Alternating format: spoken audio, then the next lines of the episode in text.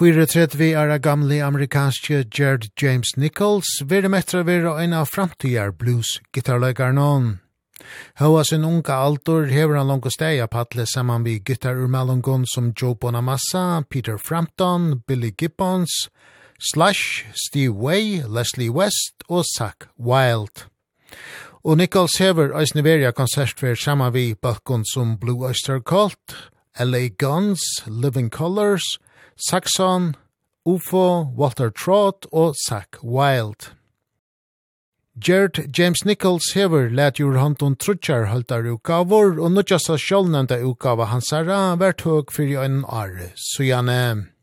Vi har finnje åri av Nichols til å prate om tannlaga yrkislai søyna, og vi fengt av han i heimi hansara i Nashville, just at det kom av en langre europeiskare konsertfer. How was that? Hey. Oh, it was incredible. It was incredible. We did uh 38 shows in 44 days. But we started in the end of September. And we saw the whole season change to where we ended up in Sweden. It was so hot when we started in Spain, ended in Sweden and we're like so it was a, a, an amazing tour. It was my first headline tour in Europe. And of course we didn't get everywhere, but it's we're already planning Well, first off, we're going to be back in Europe with Mr. Big in uh, March and April, but then we're already planning another headline tour for uh, the fall. There's a power in my soul and I know you want it. There's a feeling in my vein like a storm is coming. Put the poison on my tongue. Light up the fire in my lungs. Stick the nails in my coffin And I'll rise up from the ashes. Let it rain down. I can take the pain and sorrow.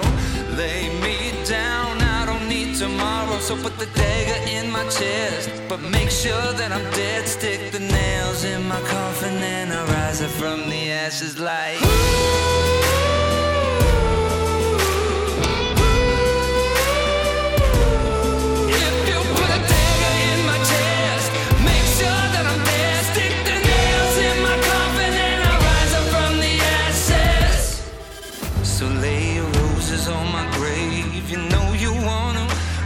my pictures from the frames like the shit is over.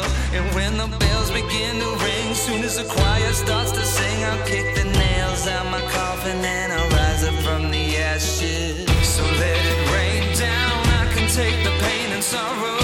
Lay me down I don't need tomorrow. So put the dagger in my chest but make sure that I'm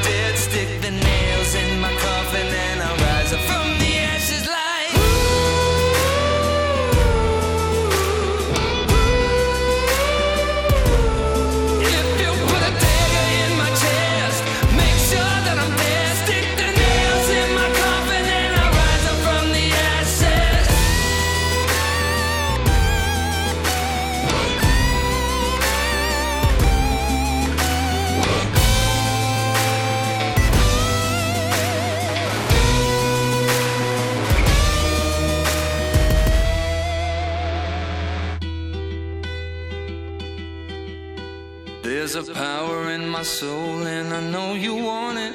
There's a feeling in my vein like a storm is coming. Put the poison on my tongue Light up the fire in my lungs. Stick the nails in my car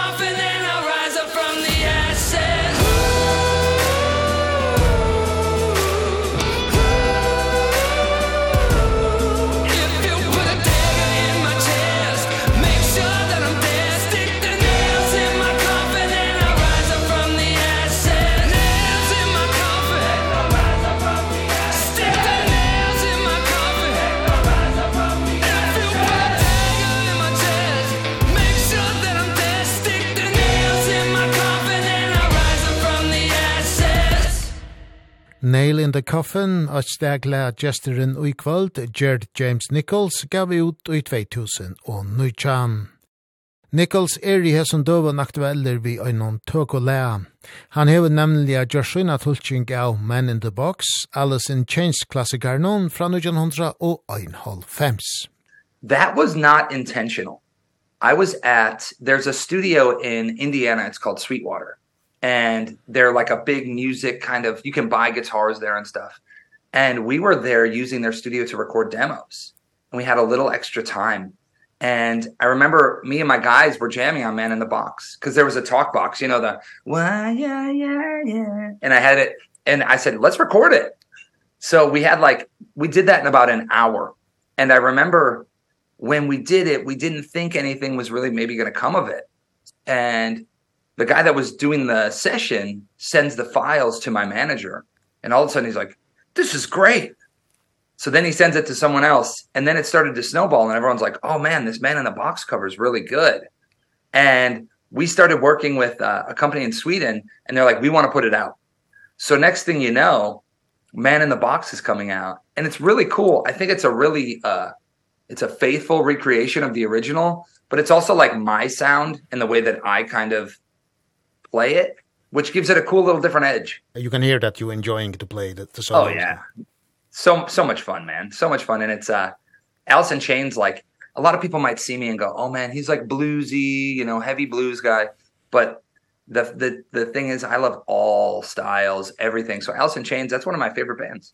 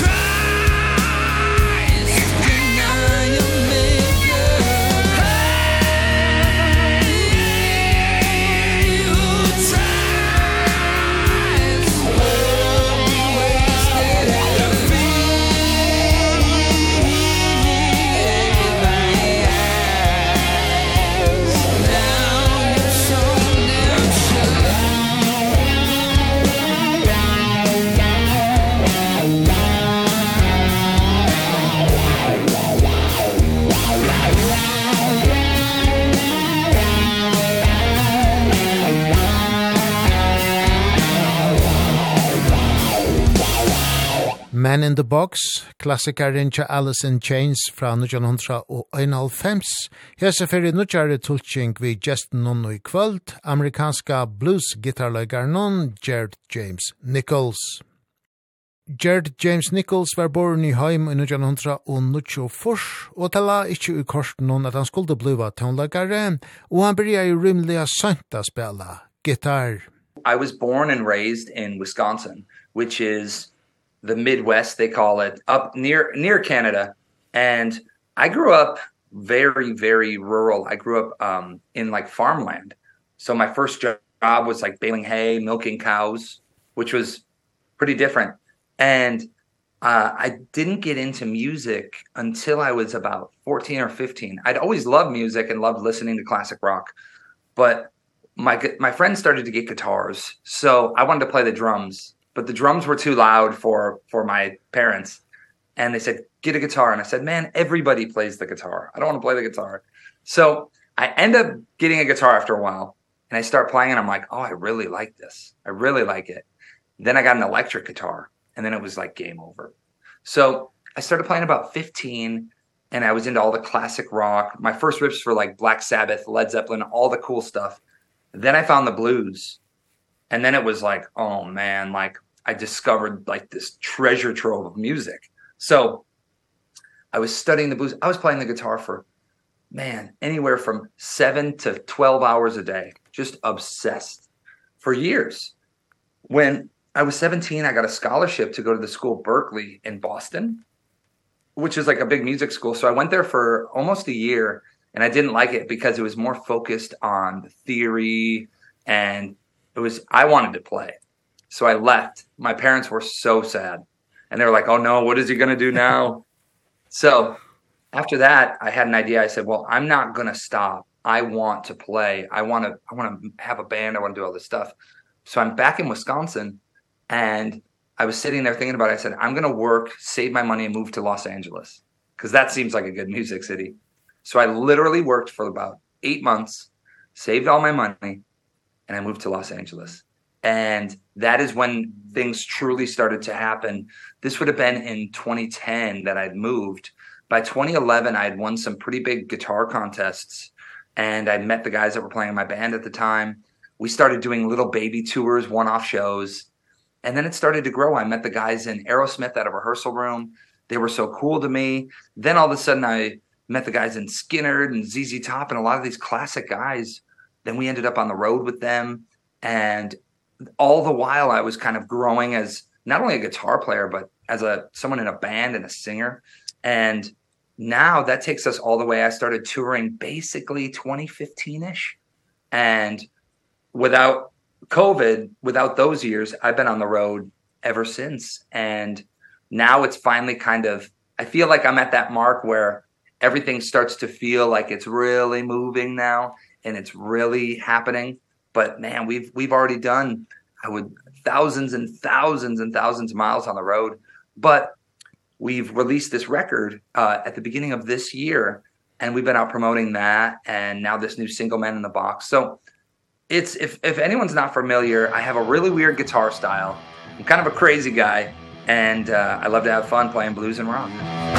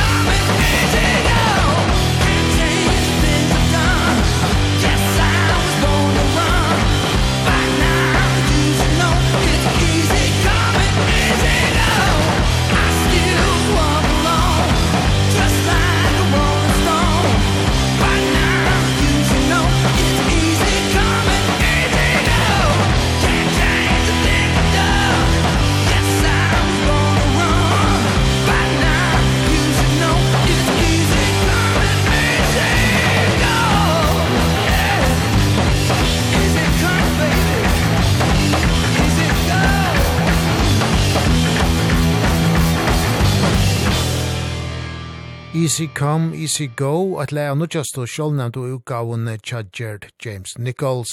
Tria utgava hans har vært tøk, fyrir slukken are, sujane. Ta vi bia Gerd James Nichols lysa hva an gaur gitarløygari er, er svære, anfalt. I think it's really simple. It's more simple than most would think. I think what makes a guitar player exceptional is you don't have to be a guitar player or even be into music to feel an emotion when someone plays. I think that's the biggest thing. And also when you hear someone no matter what style you know who it is. It's like it's their identity. It's their fingerprint. It's it's like all of my favorite guitar players have a distinct style a distinct sound. And it's everything from you know David Gilmour to Pink Floyd to Eddie Van Halen to any of these people. When you hear it you go oh I know who that is. And sometimes that's the hardest part because you can be the fastest guitar player, you can be the most technical, but if you don't connect with people here and they feel what you're playing, I think that's where you lose them.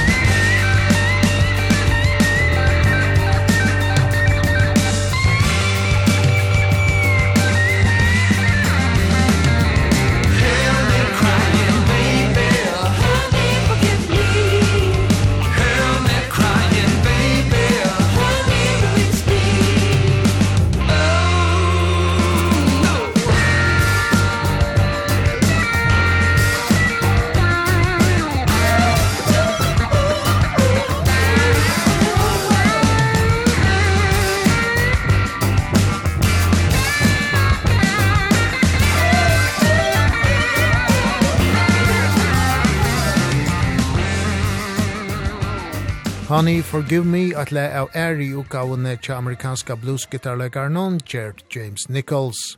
Black Magic var utgiven i 2000 og Seijan.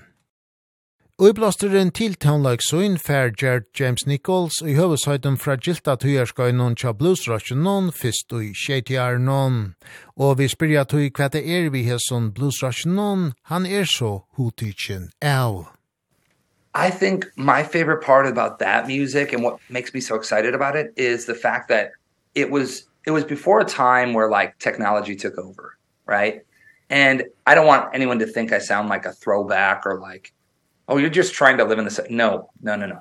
But there was something to be said about bands and musicians. You had to play. You really had to be able to play. And you had to be able to entertain and perform. But also the music was really creative because you know coming off of the blues it's it's such a simple structure that it's really up to you to take it somewhere and to do something. That's you know it's it goes back to the same old thing where it was like there was the blues and then there was the rolling stones and all that stuff and it carries on.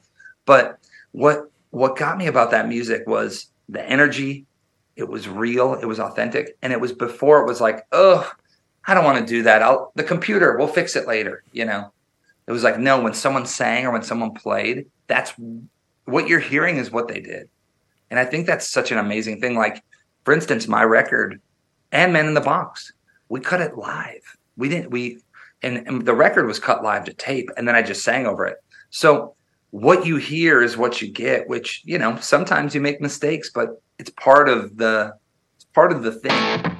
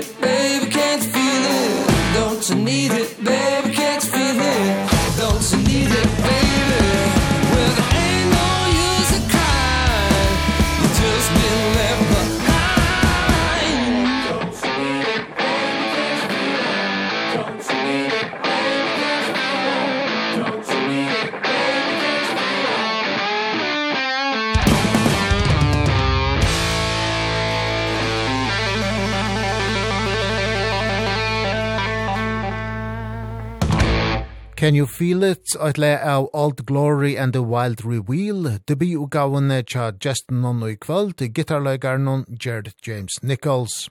Ein utgava som var senda marsnægin i 2015.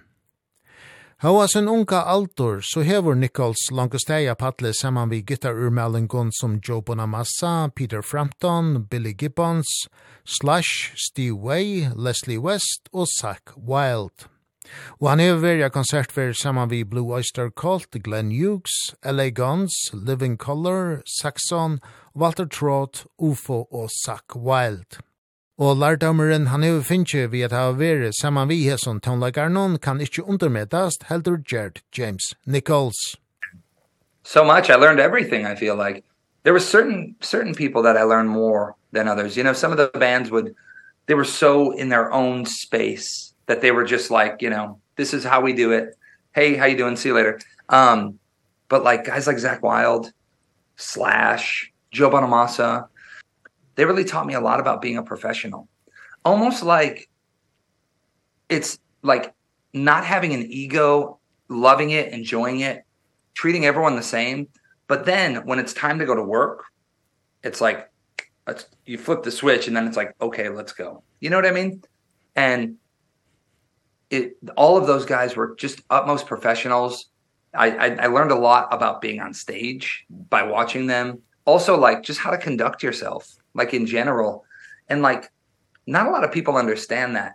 When you're on tour and when you're on the road, it's not like you just pull up and you're on stage and it's like, "All right, cool, see you later." You know, it's a whole day that starts until the show and then there's the after show and in my situation um I'll do meet and greets, I'll go to guitar stores, I'll meet people after the show. So it's almost like you have to understand when you have to be on and when you can rest and it's just how to be a professional. That's what I learned from those guys. Yeah.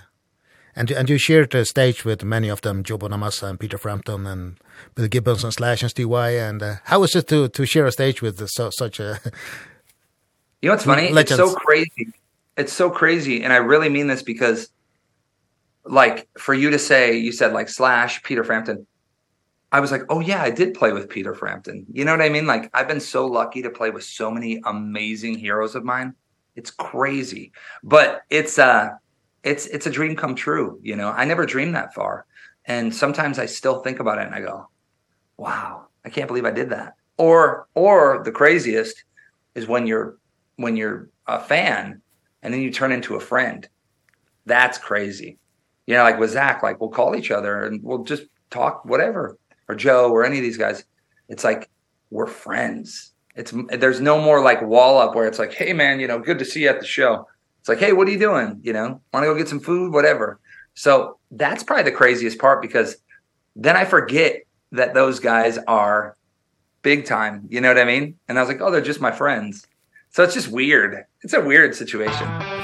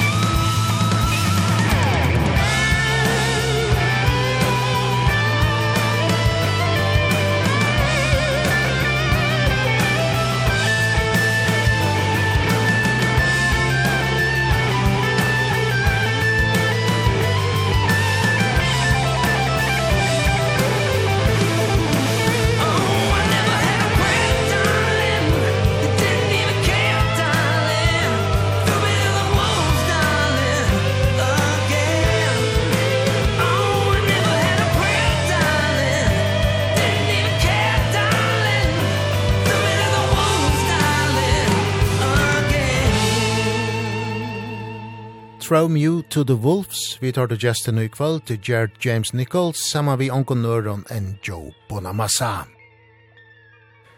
Og i 2021 var Gerd James Nichols utnevndur Allheim Harry fyrir Gibson gitarmerskje, og en større høyer heldur blues gitarleikaren. So with that one too, I remember I was hanging out with the president of Gibson, and we were playing um, some guitars, and he he said, "Hey, so what do you have going on next?" I said, "Oh, I'm going on this tour, this this." And at this time I had a lot of affiliation already with Gibson just as a player. And what ended up happening, I said something to him. I said, "Man, you know, someday I would love to like be an ambassador for Gibson and just like, you know, kind of just be part of the you know, like Slash, you know." And he was like, "Man, that's a great idea." And then I went home, right? The next day, I got a call from his assistant and she said, "You know, Cesar really wants you to become a brand ambassador. And I'm like, what? like, so what's really cool about that is it just kind of signifies and it's, and it kind of like shows, you know, that we're, we're in this together, you know, and Gibson's had my back since day one. So it's just really awesome.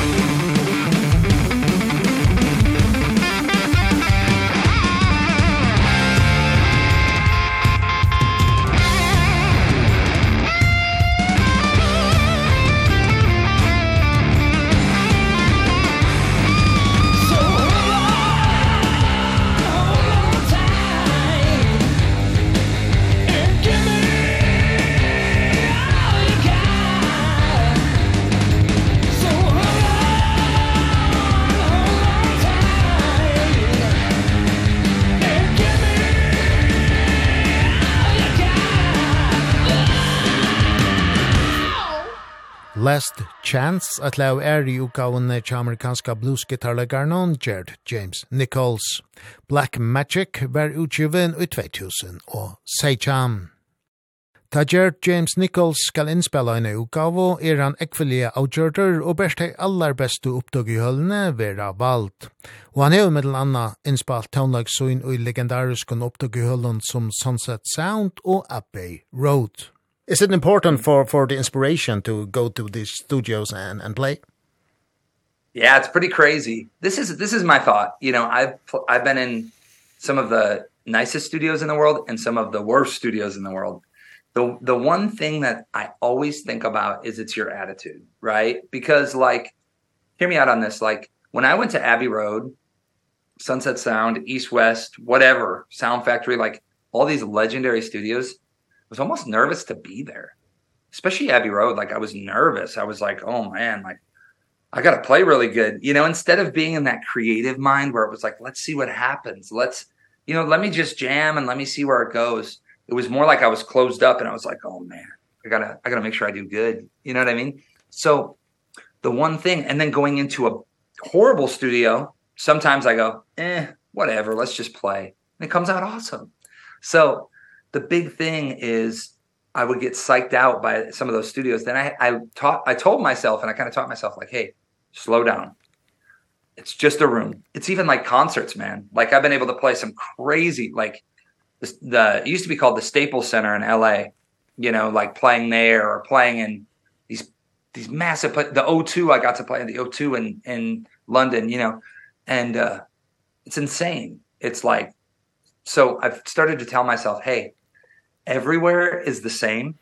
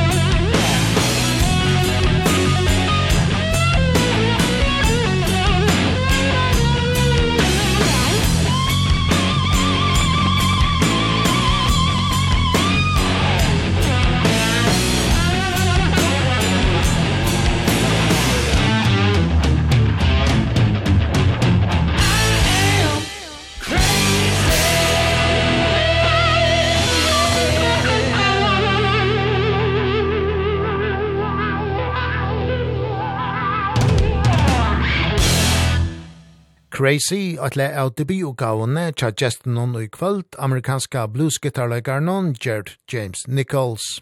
Old Glory and the Wild Reveal var utgiven i 2015. Og det er ungen annar enn Eddie Kramer, legendariske framleieren som en anna hever arbeid saman vi Jimi Hendrix, The Beatles, David Bowie, The Rolling Stones, Led Zeppelin, Eric Clapton, The Kings, Kiss og Carla Santana, som hever framlagt Old Glory and the Wild Reveal. How did that, that come about? Well, that actually came about through Abbey Road, a friend. Um, we had a mutual friend. Um, and he was an engineer at Abbey Road. And we went there to cut. And he said, hey, you need to meet Eddie Kramer. And I'm like, yeah, sure. Okay. you know? And um, long story short, I'm looking at my records right here. And there's probably 30 Eddie Kramer records here, Zeppelin and Kiss and whatever. But um so he meet we meet with Eddie Kramer and Eddie's like, "Man, I'd love to work with you. It'd be awesome." And I'm sitting there yet again like scared. so we get in the room together and the first day I remember he's like he brings in a Jimi Hendrix full stack. And he goes, "Come here, come here." And we're in the room, plug in. He's like, "I want to hear you play." I'm like, oh man, you know, I'm like, okay. So I start playing and stuff. And like, he's like looking at me. He's like, okay. All right. Yeah, we're good. And I was like, oh my God. but working with him, I learned more in the studio, especially about guitar sounds and tones in those two weeks than I did my whole entire life. And like, it's almost like when you, when you work with someone that's so advanced, it's like it can go either one or two ways. There's a total disconnect. Or i'm just trying to hang on you know and be like like soak it all up. And that's exactly what i did. And and that was an incredible experience man. Like to work with eddie was like definitely like bucket list. Yeah. you know like to the point of like he worked with all my heroes. Now i'm in the same room with them like this is crazy.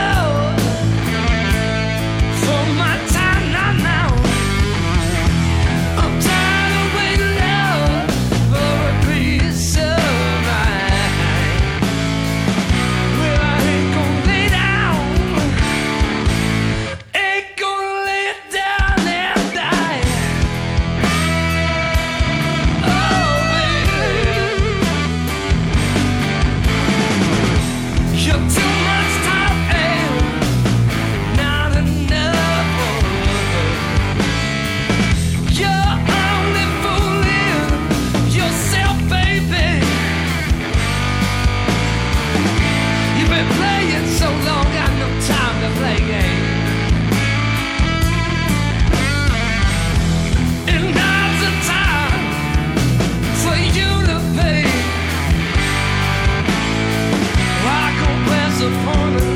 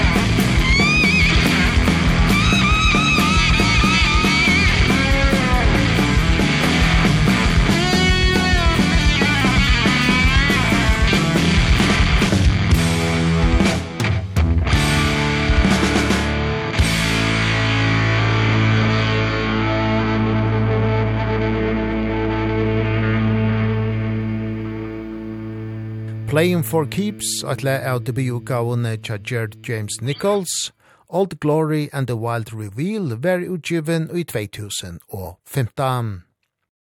Stått framanundan at Gerd James Nichols får i holdt vi at fyrirrøyka nutje utgavus syna, var han utfyrir annan åhappe som kunde kosta honom förlögan a spela gitar.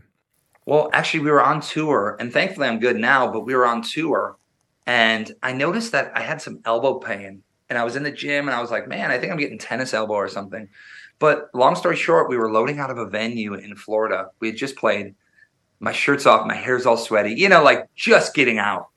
And I went down and I went to grab a case, coming down just this little thing, and I go to grab a case and I'm kind of still walking, but going to grab it. And it was a little too heavy and I just heard a little pop and I went, "Ow." And I thought that potentially like I didn't know, but I was like, did I just like pop my elbow or something? You know? And I went like this with my arm and I kind of lost control of it. So then they said, "Oh, you um tore your bicep, the muscle right here, right?" And I went, "Oh no." And they said, "Let's take an x-ray just to be sure." So they took an x-ray and what happened on both of my bones here and I have them on my shins uh little um stress fractures. I'm a pretty tall guy.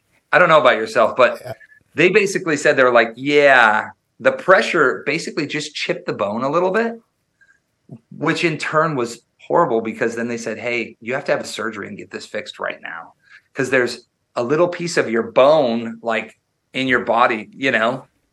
And uh it sucked. It totally sucked. So basically it kind of uh sidelined me. But in reality, I know this might sound really strange through all the the the pain and the the craziness of it it made that album sound the way it did cuz it made the fire you know I had more fire and I had more like when I realized like oh man like I got sidelined it made me want it more. So in a way you know obviously it was a horrible accident and I'm so glad to be better but the reality is like kind of gave that album the sound it had.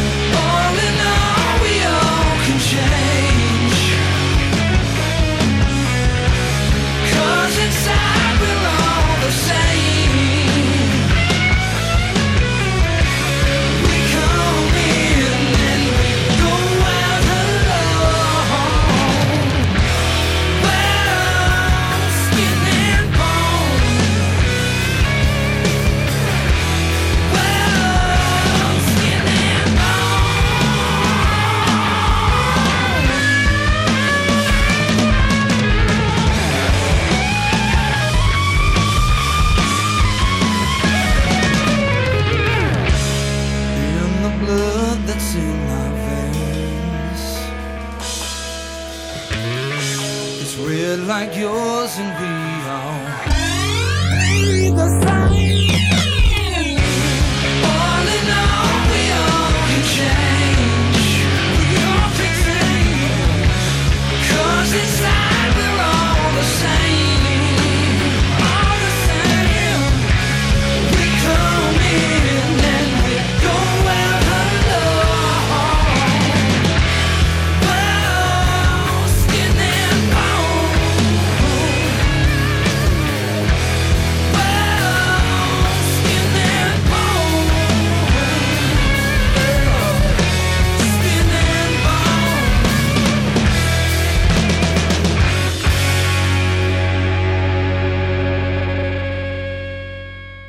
Skin and Bone, at leia nukki utgavene tja bluesgitarlegarnon Gerd James Nichols. Sjålnenda trie utgava hansara ber utgiven fyrsløkon are, sujane. Og i 2019 flytte Nichols til Nashville, og hette hever eisne brøtt hatt hansara at skriva tonelike. Tonelagen til tvert her første utgaven er skriva i han nær om Atlant Sjolvor, men han har nokje utgaven hever samstarva vi professionalar lærskrivarar. So, I actually moved to Nashville from uh California um in 2019 cuz I had so many friends that lived here and honestly it was like the way of life and like it's quieter. You don't have to live in a um one room for, you know, $3,000 or you know what I mean. So when I moved here, the first thing I noticed is people were like writing songs together and like people were collaborating and it was like, "Hey, you should you should write with my friend." So I started writing. And what I noticed was when I write by myself, I'm super inspired and I love it and I feel like a lot of awesome stuff happens. But it's like it's just one vision, right? Which can be amazing sometimes. But when I get in a room with someone that potentially is just different, you know, they come from a different place, whatever, what I notice is okay, like that idea is pretty cool. What if I what if I take that, you know what I'm trying to say? And what if we mix that with my other idea? Then all of a sudden I'm getting this outside influence and sometimes it doesn't work, but but for the songs on the record, I wanted to really give it a shot to collaborate and see what happened. And I think what's cool about it is that record still I feel like 100% sounds like me, but there's a lot of different elements that are coming in where you go, "Oh, that's kind of strange." That's that's kind of cool, you know, different there's a lot of different feel on it. Yeah. And and do you like that process instead of working alone? I do. I like them both. I really do. It just it just depends because you know like there's a song on the record called Shadow Dancer and um it's kind of this slow, kind of almost grungy with the this guitar it's like haunting, right? And the funny part is like when I was showing um our producer and my manager and all this stuff demos, I remember when I showed him the demo for it of just me writing it they were like, eh, eh, it's okay, right? But then it's funny because sometimes it's subjective. Then I wrote all this different music. We come back to that song and everyone's like, "Well, what's this? This one's got to be on the record." And I was like, "This is the one you guys didn't like." so, you know how it is with music. It's all so subjective.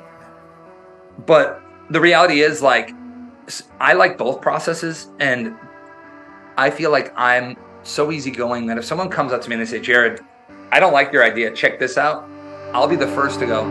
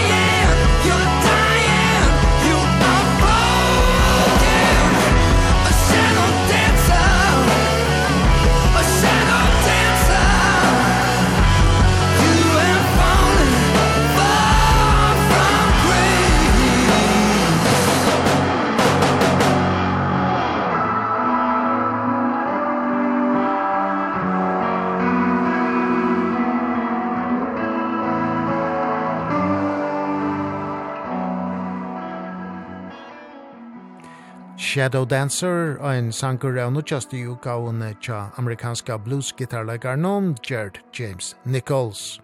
Tria utgava hansara var tøg fyrir ein are søyane. Vi tåsa i kvalt vi just Gerd James Nichols.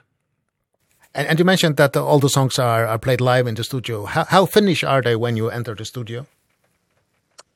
They were pretty well to go. We took about a week before in a room like not a not like a nice like a room we set up and we went through all the songs. Now we didn't go through the songs to the point of like you know the drums you have to play this fill right here. You know it wasn't that locked in but we basically had like the structures the energy level the tempos the parts everything was down and it felt good but there was still when we walked in the room i would say we were about 80% there. Then it was like I remember we would like we played it once, like we played uh the first song we played was which one was it? Uh Bad Roots and we walked into the control room to listen. And we heard it and our eyes lit up and I was like, "Oh, okay, cool." So if we're here right now and then we're talking about parts and stuff, I was like, "Let's push it a little further." And then it was the sound. So, I would say walking into the studio we're about 80% there And, and, and Eddie Spear is, is, uh, has produced and mixed the album. Um, what, what role did he have in this process? Oh, man. He had such an integral part. Like, he was the one that was instrumental in the tape, you know, running running the tape. He not only did he produce, but he also engineered everything. Like, he set up all the mics. He was the one that even even some of the cool creative stuff like when you hear the different delays or the different reverbs that's stuff that he was doing in real time while we were playing. So like he was almost, he was like the fourth member of the band. Yeah. Which was really really cool because sometimes it's scary to give your trust to someone that you don't know and you, you know but with Eddie I bonded immediately. We we had so many of the same influences. We had so much of the same kind of love for the music. So I I felt comfortable with him but like yeah we would be in there and he would be in the uh, the control room running around doing stuff you know while we're playing. I'm thinking at first something's wrong. Uh-oh what's wrong? Nothing's wrong. It's just him you know basically like performing with us. Like oh you know it's getting printed. He's like i got to turn the snare up here. Hold on let me turn that up. Oh you know so it was just he brought such a enthusiasm and the best thing he brought to the album was uh i don't care attitude. Like Let's just try it. Let's try it. What's the worst that's going to happen, you know? And that's a great kind of I love that demeanor where it's like fuck it. Let's go. It's just cool.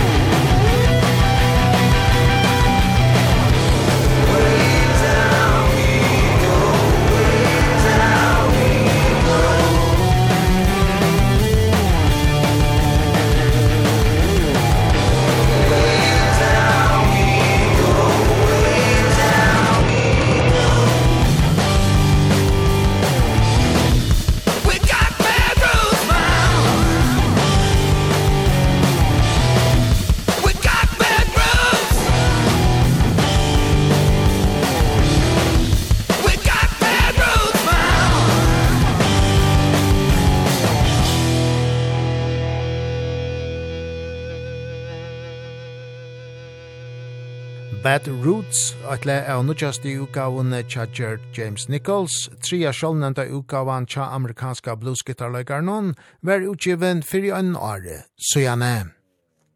And if we come to the lyrics on the album, are there a team or a concept or? So with a lot of the lyrics on the record, um, when I was doing the co-writes, we would start out with ideas, but really, man, I just started to go off on the lyrics. I would I would um take these ideas home And I'd be on like my way home and I would think of like, oh, that's cool. What if we try to do this? What if we try to do this? So lyrically speaking, I think there's only one song on the record that's like about a girl. You know what I mean? Like where it's like good time girl. Um but the reality is a lot of the lyrics on the record, you know, I was really trying to branch out and try and go somewhere else with that too, you know, because I think with this album it was really important for me to not just do the same thing Yeah. I hate when people do the same thing over and over. Yeah. I love artists and I love an artist sound, but show me all the different sides of it. You know what I mean? Yeah. Yeah. So lyrically and vocally, I really pushed myself because I wanted to say, "Hey, I want this to be not only better, but I want this to feel different and feel more special instead of just trying to rehash the Black Magic record or you know what I mean? It's just that felt more important to me than anything. Yeah. And Out of Time is a very personal song for you. You wrote it about your dad. How was how was that? Yeah. Yeah, so it's kind of kind of crazy cuz with that song I remember I was writing it like I was I had the melody on the guitar and then my dad passed away and then I kept writing on it. So I wrote this song and when I was writing it I wasn't of course subconsciously I was thinking of him and at all times, you know, it was very very soon after the death. And what ended up happening, man, is like I wrote this song and then I like read the lyrics back and I was like, "Oh shit." Like I just wrote, you know what I'm trying to say? Mm. Like it came out. And I wasn't even going to put that song on the record cuz I was just like, "Uh." Like it was hard for me to even play it. You know, it was very that was the most uh what's the right word? Like the tenderest I've ever been. To the point where like I was I was like having a hard time in the studio. So like we had to do it a few times because I was like you know. And uh I'm really glad with the way it's turned out. We've actually even started playing that song live because some people want, you know, a lot of people will want to hear it. And uh it's great. Now I listen back to it and I have nothing but like ah, yes. But it was very hard. I couldn't even hear it for a, a long time. It's a fantastic fantastic song. Thanks, man. Wow.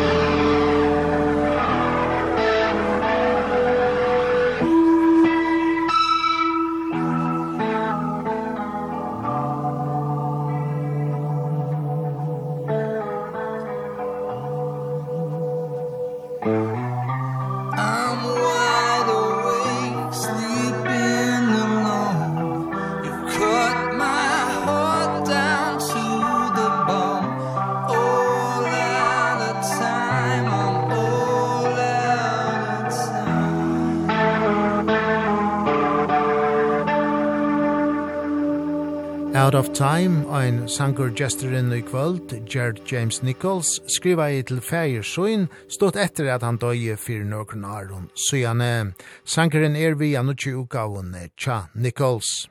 Hentan tria ugav hans herra er sjålnevnt, og det er en orsøk til Tea. I, I wanted to go self-titled. I was thinking about a name for the record, and to be honest with you, I kept going to self-titled because I went, you know what? This is like the sound I've been trying to get to. You know, this is the vibe, the essence that I shot for on 1 and 2. But now I feel like not only that as an artist and as someone like I feel like I've been through enough now to say, "Hey, you want to know who Jerry James Nichols is? Listen to this record, you know. This is my this is my starting point now." So everything now I kind of I feel like like this record is a is going to be the benchmark and then I'm going to try and push it on the next one. You know what I mean? And are there a next one in the nearest future or how far is uh... Yeah, I mean, man, what's funny for me, I never stop writing. So like I have another record ready to roll. It's just it's one of those things where I think we'll probably get in the studio, I would think after our tour in the spring, like in between spring and summer, but you know, I still feel like this record is still so new in so many ways, the one that's out now So we're going to have to promote promote it for a while, but I mean, man, I'm absolutely ready to make another record. Yeah. And maybe a legendary studio this time also. Oh yeah. I mean, I got to pick somewhere crazy because you know, we did Abbey Road, we did Sound Emporium, we've done uh Sound Factory, we've done Sunset Sound uh where Van Halen recorded. Uh this last one was done at Blackbird Studios, which is like the best studio in Nashville. So we'll have to see. Maybe maybe not. Maybe I go somewhere really weird. I don't know. I got to see where it all takes me. You know, it's like a journey. I'm a long, long way from home, trying to run away my ghost.